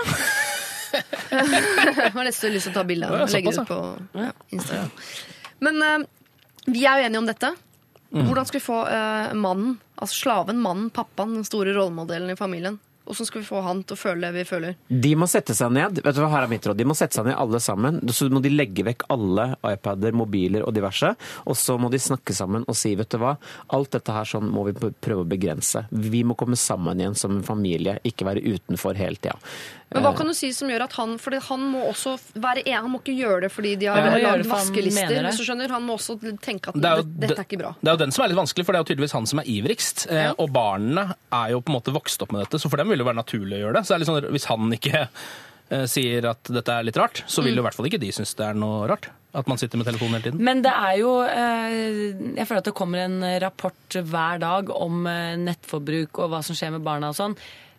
Bare smør et par sånne opp i trynet hans og få han til å få noen forskere til å si til han at det er skadelig for barn og sånne ting. Ja. Kanskje sikte til, eh, til tall og grafer og fakta. Jeg vet ikke om tall men jeg vet, Du egentlig bare si det sånn at dette her er jo, dette er jo galskap, det som skjer nå. For alle sitter uh, utenfor familien. Rett og slett det er det de gjør. Ja. Mm. Det, de lar jo på en måte alt ekstern input komme inn istedenfor å på en måte snakke sammen. Og det er fa ja, ikke farlig, da, men det er sånn det er, Jo, er- risikerer å bli sittende igjen aleine med iPaden sin Ja. uten unga og, og, og kona. liksom. Hva med at eh, kona hun virker jo ganske gøyal? Hun Ja, eh, skriver morsomt og avslutter med Hva avslutter hun med? Hitchcock bitch. Ikke sant? Det er gøy. Eh, Hun er sikkert opp for å lage sånn liten prank, eh, og det jeg tror den familien trenger, det er noe som skjer litt sånn fysisk. Ikke at man faceraper, men en rampestrekk som er på ordentlig. Ja. Hvis de går sammen og for eksempel hvis eh, hun sier til kona sånn Du, nå tar vi med ungene ut på skitur. Eller et eller annet. Han, hun får med faren til å føle at han skal ta med ungene på. Og så avtaler hun med ungene at de skal sitte med to padder, en pod, eh, og ikke svare på noe av det faren sier. At hun på en måte legger det opp som en sånn åpenbaring Sånn for det. han. Ja, ja, ja. Sånn har de det! Et eller annet sånt. For Ja. det virker jo som en gjeng med litt humor og litt unger og greier. greier. alle kompisene liksom, til å bare Ja, sitte og ha sånn. Lage en eller annen setting som gjør at han skjønner litt sånn alvoret. Kanskje Ja. helst med barna, fordi det er kanskje det som eh, er han nærest. Jeg må innrømme at det er noen av de deiligste øyeblikkene hjemme hos oss er når begge ungene har funnet hver sin iPad. Det er helt klin stille. Da tenker ikke jeg sånn Oi, den svei! Det Men jeg vet du hva de kan gjøre også, som, som funker, eh, jeg syns funker, er sånn når, når vi, eh, familien er samla, på hytta. Ja. Da spiller vi alias, og da er ikke mobiler og sånne ting. De er jo ikke der, de eksisterer jo ikke. Og da er man på en måte fokusert sammen om noe gøy, da. Som kanskje varer en time og halvannen, som er kjempegøy. Eh, Spill noe, gjør noe sånne ting som er digitalt fritt, da. Bare for å teste ut og komme sammen igjen og prate med hverandre. Ikke være opptatt av alt utafor. Og det blir jo veldig krampaktig hvis man ikke har en Jeg ser for meg neste gang da, når de har blitt enige om ok, nå skal alle legge bort, alle fem eller fire i familien har lagt bort eh, alle tingene sine, og så sitter man bare der. Så det er sånn, ja, ok, så det var sånn her det var, ja. Ja, nei, hva gjorde du på skolen i dag, da? Det blir liksom, altså, man kommer jo til å bli lei av det ganske fort, så det er sikkert lurt å ha et par aktiviteter som man faktisk kan gjøre de første gangene. i hvert Sosiale, fall. kule aktiviteter. Og sånn for eksempel ikke, altså, spise sammen, spille noe sammen. Det er faktisk hyggelig, og det er gøy. Ja, man må ha noen sånne mobilfrie soner, men kanskje man også kan gi det til jeg vet at Hvis han er en sånn konkurranseinnstilt fyr, som jo veldig mange er, så kan man gi det som en utfordring. Jeg utfordrer deg til ikke ta på Ja. mobilen før klokka åtte, for eksempel. For det er mange hverdager. Jeg tross alt har blitt gæren av sånn komme hjem hver dag etter jobben skulle spille alias. Hvis du skjønner. Ja. På hytta, helt med. Men sånn, det, det er den onsdagen nå hvor han må legge bort liksom, Twitter, Insta. Hva hvis barna barna gjør sånn som datteren til han eh, David, Has David Hasselhoff gjorde? Å, hva var det? Eh, David eh, Filma han mens han var full? jo, ja, de filma han når han var full og spiste burger og lå på senga, og så la de det ut. Ja, det er gøy. Eh, de Det er kan jo f.eks. prøve å få oppmerksomhet fra faren. Var det barna og som gjorde det? filme det. Ja. Ja. Og filme det og, uh, liksom, og legge det Ja, ut, da. det er- Så faren blir flau. Ja. Og det, Eh, det er faktisk fordi- verdt å se på akkurat det klippet, fordi David Hasselhoff spiser hamburger på en helt eh, fantastisk måte. Ja, Eh, sidelengs, er det ikke det? Jo, litt sidelengs. Hva er eh, siden på en rund hamburger? Hva får han- Og så han Ja, men sier skyter- datteren sånn 'Daddy, why are you drunk again?' Hvis barna Mm. sier sånn 'Pappa, du følger jo ikke med på hva vi sier igjen'. Sånn. Mens han sliter, og, sliter med å få en burger inn i kjeften. Det er ganske morsomt, det. altså. Ja, for jeg tenkte litt på det i stad, men jeg gadd ikke å si det, for jeg tenkte det er dumt, for da er det jo mer Twitter. Jeg tenkte Hver gang han la ut en tweet, så kunne kona uh, retwitte sånn Og der lærte Klaus å gå. Ja. ja. Altså hele tiden sånn, sånne stikk. Og nå skulle du sett datteren din, men Ja. det skjønte du ikke for du var på Twitter. Altså hele tiden, Så han blir facet med det foran alle følgerne sine og alt. hele Ja. tiden. Men da er jo hun like mye på Twitter som han, da, men hvis det er for en periode, så kanskje det kan funke. Ja, At barna legger ut små videoer med ting de har gjort mens han er på Facebook. og sånn. Kan vi ikke bare oppfordre alle familier til å begrense det litt? Grann, da? Jo, Når det gjelder bare sånn tanketomme ting som Facebook-feeding og sånne ting som egentlig ikke er annet enn dødtid. da. Og bare liksom skjerme det litt grann for familielivet, for det er ekstremt mye viktigere enn å følge med hva naboen har spist til middag, eller Og så er det Ja. så mye gøyere å gå inn på Twitter eh, klokka ni på kvelden hvis ikke du var der kvart på ni, halv ni, kvart over åtte. For da har du kanskje fått fire varsler istedenfor ett. Og det skal ikke så mye til før man faktisk avvenner seg det. Jeg personlig er jo eh, ganske avhengig. Ja, du har vært Bortsett fra at jeg har fått den høflighetsgreia at jeg ikke eh, Jeg vil ikke når jeg sitter rundt et bord eller når jeg sitter i et møte og sånne ting.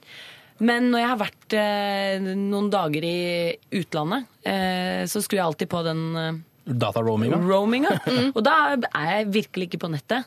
Eh, Og er det over lengre tid, til slutt så savner jeg det ikke. Altså, jeg syns det er digg når jeg kommer på hotellet, logger på og ser hva som har skjedd. Men eh, det skal ikke så mye til før man faktisk skjønner at man ikke trenger det, og egentlig tenker på hvor deilig det er å slippe. Så hvis vi tester to dager uten, og så skjønner han at det går bra Akkurat denne samtalen, Kunne kopiert denne samtalen og så eh, bytta ut at det handla om røyk, eksempel. Sånn. Så mange Ja, sånne ting. Du må bare ha av en liten, så du merker hvor deilig det er, litt lite avhengig av egentlig og ikke trenger det, osv. OK. Uh, Hitchcock-bitch. Uh, det er det jo ikke, men du kan bli det, og det skal vi stoppe. Du må uh, få han til å føle at dette her er eh, feil. Enten om du gjør det via Twitter, som egentlig er et dårlig eh, forslag, men du må eh, sette opp noen kjøreregler for når det er eh, mobilfrie soner osv. Og, og legge andre ting fram, f.eks. heller spille spill en dag. sånn at eh, Kanskje, det er liksom barneoppdragelse, men for å få noen til å snu nesa si mot noe annet, så må du Ja, funker, finne på noe altså. spennende i andre retningen som gjør at de får lyst. Ellers må dere ta hevn som familie. Legge ut videoer av pappa på nett som viser hvor dårlig pappa han er. Det kan være, det er jo, han kommer helt sikkert til å se det, for han er på nett hele tiden. Eh, lykke til. Vi vil vite hvordan det går. Har vi skapt en bedre pappa? Eh, har du blitt en Hitchcock-bitch? Eller har vi klart å stoppe det toget der? Send inn til oss med, på mail eller alfakrøll.nrk.no. Sirkus Eliassen og låta 'Jeg vil bare danse' eh, Før det uh, 'Rather Be', en låta som er Clean Bandit sammen med annen Jess. Som jeg ikke vet hvem er. Det må jeg lov å si. Uh, Vi skal ta et uh, familiært problem til, eh, men her er det ikke Instagram og Facebook som er eh, problemet. Jeg leser. Jeg har et ganske kjipt problem som jeg håper dere kan hjelpe meg med. Jeg er en jente på 21 eh, som traff en gutt på fest for ca. en måned siden. Vi fant tonen og har vært mye sammen de siste to-tre kommende ukene etterpå det. Nok til at jeg tror jeg har rukket å bli forelsket. Problemet er at jeg tror vi er i slekt. Jeg er ikke helt sikker, men sånn ca. ikke 59, men 95 eh, sikker. Han fortalte at hans foreldre hadde hytte på samme sted som en av mine besteforeldre er fra. Da jeg fikk høre dette, syntes jeg det var artig og ble nysgjerrig, siden jeg hadde flyttet nesten 100 mil for å studere her. Så sjansen for at jeg skulle møte noen fra, som var fra samme lille plass som bestefaren min, er jo ganske liten. Etter å ha forhørt meg med min familie, mest for moro, har jeg oppdaget at vi trolig er firmenninger. Altså min bestefar og hans bestefar var søskenbarn. Denne gutten jobber turnus, så han er bortreist nå og kommer ikke hjem før om to uker, så jeg har ikke snakket med han om det. Hva burde jeg gjøre? Hva er sosialt akseptert, og hvilke følger kan det få i ytterste konsekvens hvis vi en dag skal få barn? Burde jeg ta det opp med han? Hvis ikke er det jo relativt enkelt å bare la være å møte han igjen om to uker når han kommer hjem fra jobb, selv om jeg overhodet ikke har lyst til det, da. Det skal også sies at jeg nettopp fikk eh, vite det, så jeg har egentlig ikke klart å ta helt stilling til om jeg syns det er greit selv eller ikke. Eh, Og jeg er for øyeblikket den eneste som vet om det. PS. Jeg har aldri hatt kjæreste før, og er ennå ikke kommet helt uh, til rette i denne nye studentbyen, så det ville vært flott hvis dette ble noe mer av. Håper virkelig dere kan hjelpe. Hilsen forelsket og fortvilet. Altså Først eh, det rent sånn eh, genetiske. Er det noen som kan det? Eh, Barn. Jeg tenker på det, selvfølgelig. Det ligger for langt ut i leddet til at det Ja, kan ja, ja. Det er altså, fetter, det er ikke lov, men alt utenfor det Tremenning og ut. tremenning, Ja, er Fetter og kusine er feil. Ja, okay. Utover det så går er det feil, bra. men og etter, eh, altså Fetter og kusine er jo samme som tomenning. Så tremenning og firemenning og sånn Ja. er jo det er ikke noe problem lovlig sett. Eller Så dette er faktisk ett ledd lenger ute igjen også. enn det som. Jeg trodde faktisk nå også at uh, fetter og kusine kunne gifte seg, men uh, jo, de kan søke til Det har eh, skjedd kongen. veldig, veldig mye av det og i verdenshistorien. uh, har jo, Det Ja. er påvist. Kongefamilien skal ikke se bort fra Det er en grunn til at det er en sånn blødersykdom som går i kongefamilien. ja. Hvis du f.eks. tar gode gamle Elisabeth, gir henne et lite snitt på overarmen, så slutter hun aldri å blø. De har sånn sykdom at det bare De kan ikke gro skorper. Og det er, et, det er en konsekvens av for mye innavl. Fun fact som kongehuset, ass. Mhm. Du, Det er du har så mye kunnskap! Det er jo derfor Joffrey i Game of Thrones er helt gæren også, fordi han Ja. er jo et produkt av sin eh, altså av søster og bror. Ja, ikke sant? Eh, Ja. Så, men Det er jo selvfølgelig fancy-verden, da, men selv der følger de disse reglene. Så. Men, Men igjen, bløder kan man få uten at mamma og pappa var søsken. Altså, jeg Ja hadde en bløder på skolen som satt i rosa rullestol. Som jeg, altså, jeg løp han en gang, så hun ramla ut av rullestolen og så trilla nedover asfalten. Og da var jeg helt sikker på at jeg hadde drept henne, så jeg bare fortsatte å løpe hele veien hjem. For jeg tenkte nå er jeg drept hun jenta. Men her, spørsmålet hennes er jo sånn, det, her kan det jo være litt sånn hva sier familien, og det er sånne rykter Ja. og sånne ting. Det er kanskje, altså Genetisk kan vi nesten se bort fra her. Ja, det fint. Men det er litt med sånn hva, hva vil omgivelsene si. Mm. De kom fra en liten plass, flyttet til et større sted for å studere. Jeg vil tro at her blir det topp stemning i det, på den lille plassen. Eh, De er jo i utgangspunktet redd for å miste unge folk. De flytter jo fra små plasser rett som det er. Så de tenker at nå har vi forent to fra denne plassen som kommer til å komme tilbake. Jo, men da, eh, De kommer ikke fra samme plass. skjønner du. Han kommer fra den plassen Hytta. bestefaren hennes bodde. Altså, det er, de er ikke fra samme by, de to, men Å, er generasjoner lang- tilbake. ute, altså. Så dette er to familier som ikke, det er to forgreininger som ikke har noe med hverandre å gjøre i det hele tatt. Så det er ikke sånn det får ikke de der kleine sånn Å ja, eh, vi skal feire julaften sammen som par, men både mutter'n Ja, ja, og onkelen ja. altså, Det er de- litt lettere, ja. Ja. Men jeg tenker jo uansett, eh, møt han, eh, sånn som du var litt usikker på om du skulle. Ja. Eh, men møt han når han kommer fra jobb, og ta det opp med han. er vel litt grei start. Men som en morsom greie, eller som en sånn alvorlig Morsom greie. Ja. Jeg vet ikke, men bare i hvert fall si det til han. Jo, men hvis du sier til en du er forelska, vet du hva, jeg tror vi er seksmenninger, så jeg vil ikke jeg tenke sånn derre Å gud, ja, dette er frastøtende. Dette Ja. Kom deg vekk. Tju-tju. Jeg, tror- jeg, tror ikke jeg ville Nei. Jeg hadde ikke Hvis Ja, var meg. I hvert fall så må man si det, fordi jeg tenker sånn okay, Blod er tjukken, ikke-! Nei, nei. Plutselig så sier hun det ikke, da, og så bare ah, de ligger sammen, og så får man vite det etterpå, så kanskje han får helt panikk. da. ikke- sant? Eh, Så han bør jo vite det, i hvert fall, før det skjer noe mer her. ja. Er du ikke Ja, enig i det? Er du ikke, kan du være uenig i det? Det går Tenk, men de kommer jo til å finne ut av det, Det er min jobb å uansett. gratulere. Ja. Ja, nei, jeg mener at du skal si det, men jeg også mener at du skal si det som en fun fact. For det, det Ja, har jo ingenting å si. Men det er klart når man forteller det som en historie, sånn, hvis de blir et par, og man sier sånn på begynnelsen sånn Ja, vi er sammen, vi er også firmenhenger, så vil jo noen tenke sånn Ja. Jeg- man jeg vil jo ta en runde inn i hodet, men ende opp på at det er greit. Jeg ville sagt firmenninger eller noe. Det må, eller det må, det må være liksom sånn Det er Det, det sjukeste Jeg tror faktisk at vi er liksom noe fire eller fem. Vi er noe Vi er slekt, langt er uti der. Det Slekt er nært. Si, si sånn okay, er langt ut. sett deg ned, Ja, jeg jeg, må ja. fortelle deg Men vi er i noe. familie. Det er Ja, det må du ikke bruke. Slekt er bedre enn familie. Hvor mange samtaler foregår i dette rommet nå? Bare to-tre stykker. For mange.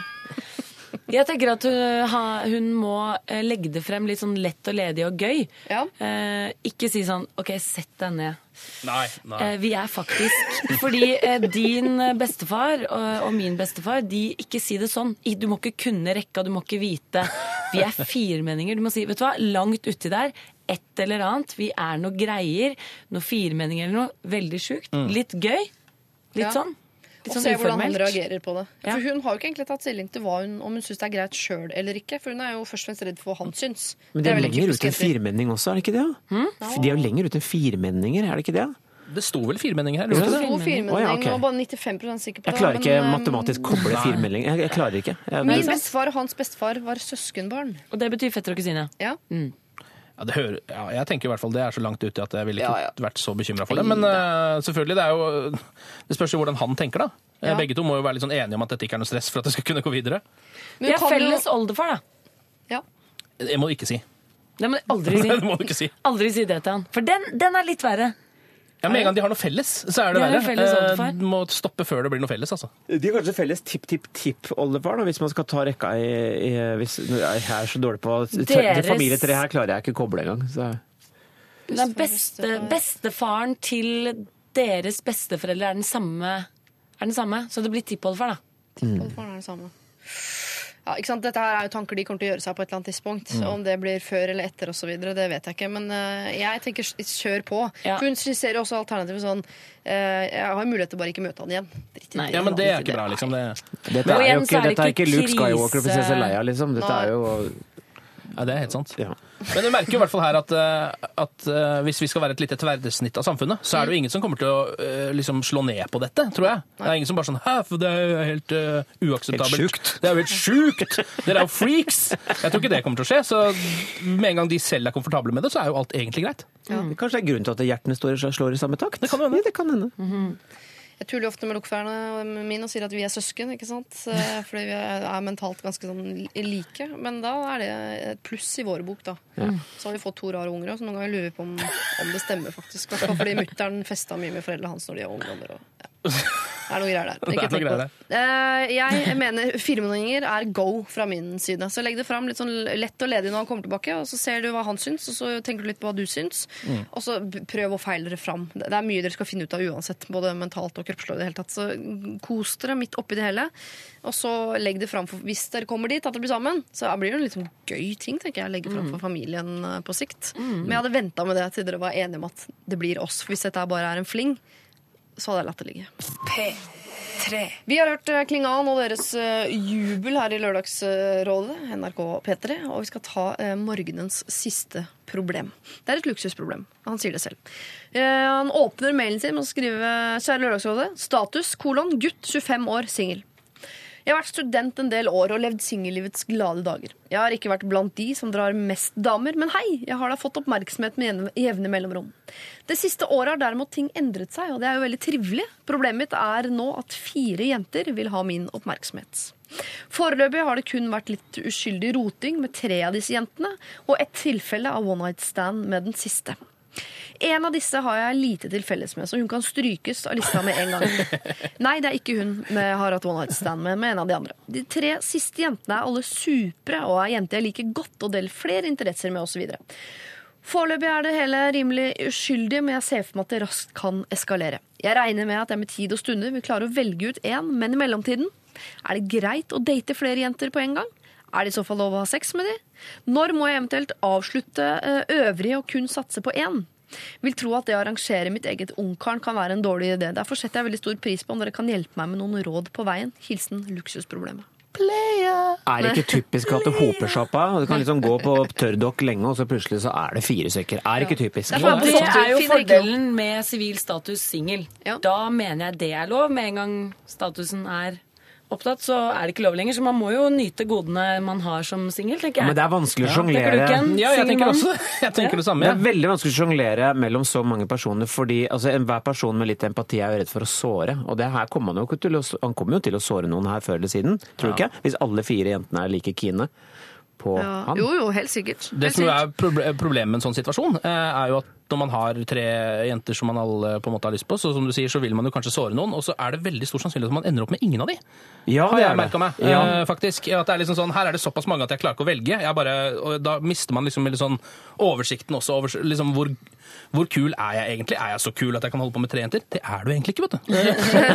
Du er ikke så kul. Du er så kul at du kan klare å holde på med én, sannsynligvis. Og da må du kanskje velge en av de eh, litt fort. Men her, klarer han kan jo velge og vrake. Det er, han kan jo her velge det fineste eksemplaret. Altså, Men det er ikke sagt at alle disse jentene er eh, håpløst forelsket i han. Det har jeg opplevd Nei. flere ganger. At gutter tror veldig ofte Det kan jo være at disse jentene også holder på med flere. Ja. Eh, Det er mange gutter som er liksom sånn Ok, de sender meldinger med tre jenter. Alle tre er sikkert håpløst forelska.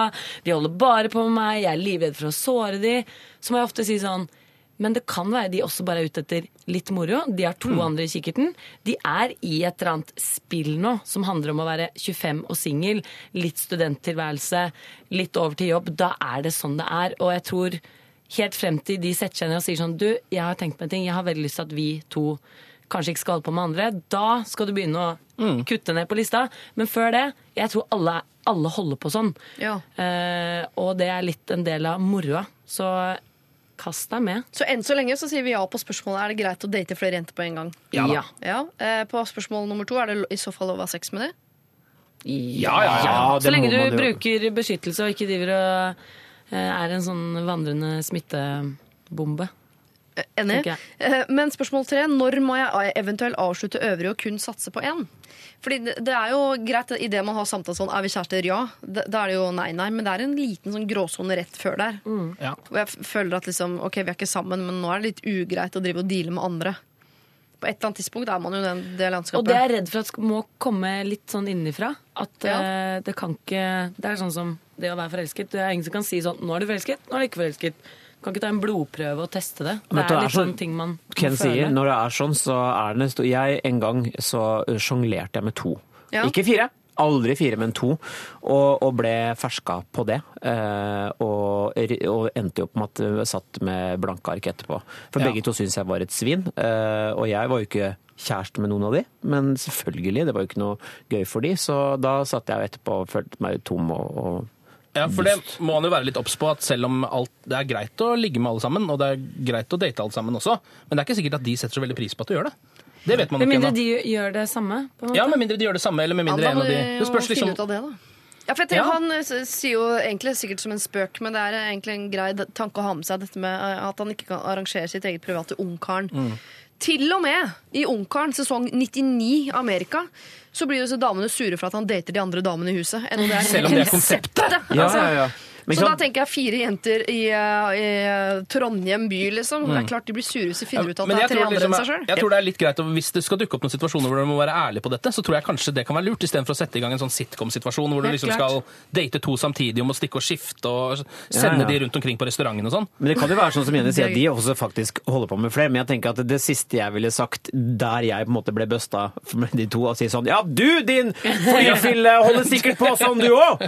Som du er ute og byr på deg sjøl og Snakk for deg Men sjøl. spiller man ikke litt sånn med åpne Nå er det mange år siden jeg har vært singel, men man spiller jo gjerne litt med åpne kort. Det er ikke, det er ikke helt tabu å si sånn Du, jeg bare lurer på er vi liksom Er du ute, og så er jeg, kan jeg være det? Kan man ikke snakke om det? da? Jo, men jeg tenker at da eh, Men da snakker jeg ut fra hvem jeg er. Hvis jeg har holdt på med en fyr som, eh, som la det fram, selv om det har vært for tidlig til å go exclusive. Hvis han har sagt sånn eh, Jeg vet ikke om du holder på med andre, men er det greit at jeg driver og holder på med andre? Så har jeg sånn Selvfølgelig er jo det greit som papiret, men da sier jeg takk for meg. Faktisk. Ja, men altså, man, Det trenger man jo aldri å si på den måten. Men jeg, det eneste jeg liksom mener er at eh, hvis det dukker opp en uh, situasjon hvor den andre jenta spør om det, eller hvis du møter Ja. en, Se, du er ute på byen, da. Du er på en date med den ene jenta, og så står den andre jenta borti hjørnet, og vil da sannsynligvis merke at oi, her er det Ja. noe Så må du ikke liksom prøve å Nei, nei, men det er bare søstera mi. Altså, ikke begynn med den, liksom. Nei. Bare ja, jeg møter henne også, men jeg liker deg veldig godt. Og da er det, hvis da trekker seg ut, så har du ett eller luksusproblem mindre, da. Kan du jo fokusere på de andre.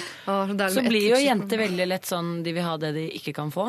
Ja, Så kanskje det er bra. Og at du- idet de får vite at det er litt konkurranse, så kommer konkurranseklørne frem, og da kan det bli enda mer enn kan bli flere one night stand i uka på han her.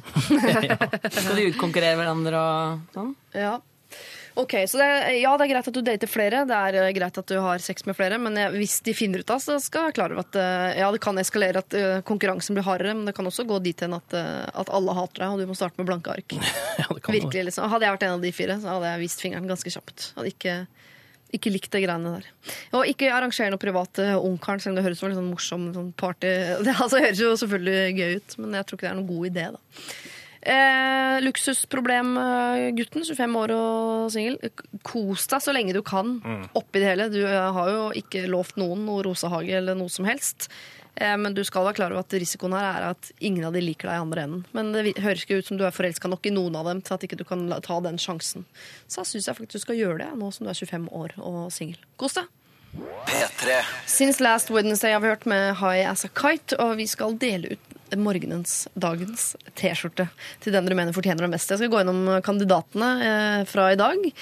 Eh, vi startet ut med en eh, jente, 18 år, hadde to eldre brødre og en yngre søster. De to eldre brødrene var røyka veldig mye hasj og lagde dårlig stemning i huset. Mor var utslitt, far var bortreist, eh, og hun følte litt sånn ansvar for, at, for å rydde opp i familien. Eh, Så har vi en jente som var irritert på typen sin fordi han har vært på guttetur til det stedet i verden hun har mest lyst til å dra til, og han skal tilbake dit på guttetur. Hun får ikke mulighet til å dra dit, fordi typen drar dit hele tiden, men uten henne. Og så har vi et eh, problem her fra en eh, jente som er forelska i en fyr, men tissen hans virker ikke. Altså, I hvert fall ikke når det virkelig står på, da. Når, eh, når den skal brukes til noe fornuftig. Vi har en jente som lurer på om hun skal eh, forlate sin trygge tilværelse her i Norge til eh, fordel for Spania, og egentlig en ganske trygg tilværelse der, men altså da i Spania. Ja, sa vi vel til det. Så har vi en eh, jente her som har blitt forelsket i en som viser seg antageligvis være firmenningen hennes. Han vet ikke selv ennå. Skal hun si fra til han om at de antageligvis er uh, firmenninger? iPod, eh, Instagram, Facebook, eh, Twitter. Husker dere problemet? en far. Han er pålogget hele tiden. Kona blir gæren. Hun er i ferd med å bli en Hitchcock-bitch.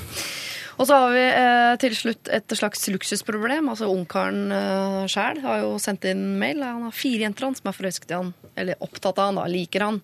Som han driver og sjonglerer. Eh, kan han det? Hvor lenge? Og så videre. Hvem fortjener en T-skjorte, føler dere? Jeg føler liksom at jeg alltid pleier å gå til den med det mest alvorlige problemet. Ja, fint, Eh, Her er det greit. Det er liksom det Ja, ja. første problemet vi hadde, føler jeg. Som var da familieproblemet. Ja. Eh, Med disse hasjrøykende gutta oppe på loftet. Mm. Føler jeg liksom at det er liksom den personen som sliter mest av de som har sendt inn her. Ja, det tenker jeg òg. Mm. At hun også gir oss den eh, på en måte tilliten. At hun deler problemet med oss, for det er jo tydeligvis ikke så mange de har delt det med. Eh, Men at eh, vi fikk eh, ta del i det, forhåpentligvis hjelpe litt. Og så tenker jeg at den T-skjorten kan hun stappe under dødsprekken på loftet. Sånn at Så ikke den hasjrøyken siger ned ja. inn i ansiktet på den 11-åringen som eh, burde lukte minst mulig og merke minst mulig til de eh, dudesa på loftet. Ja.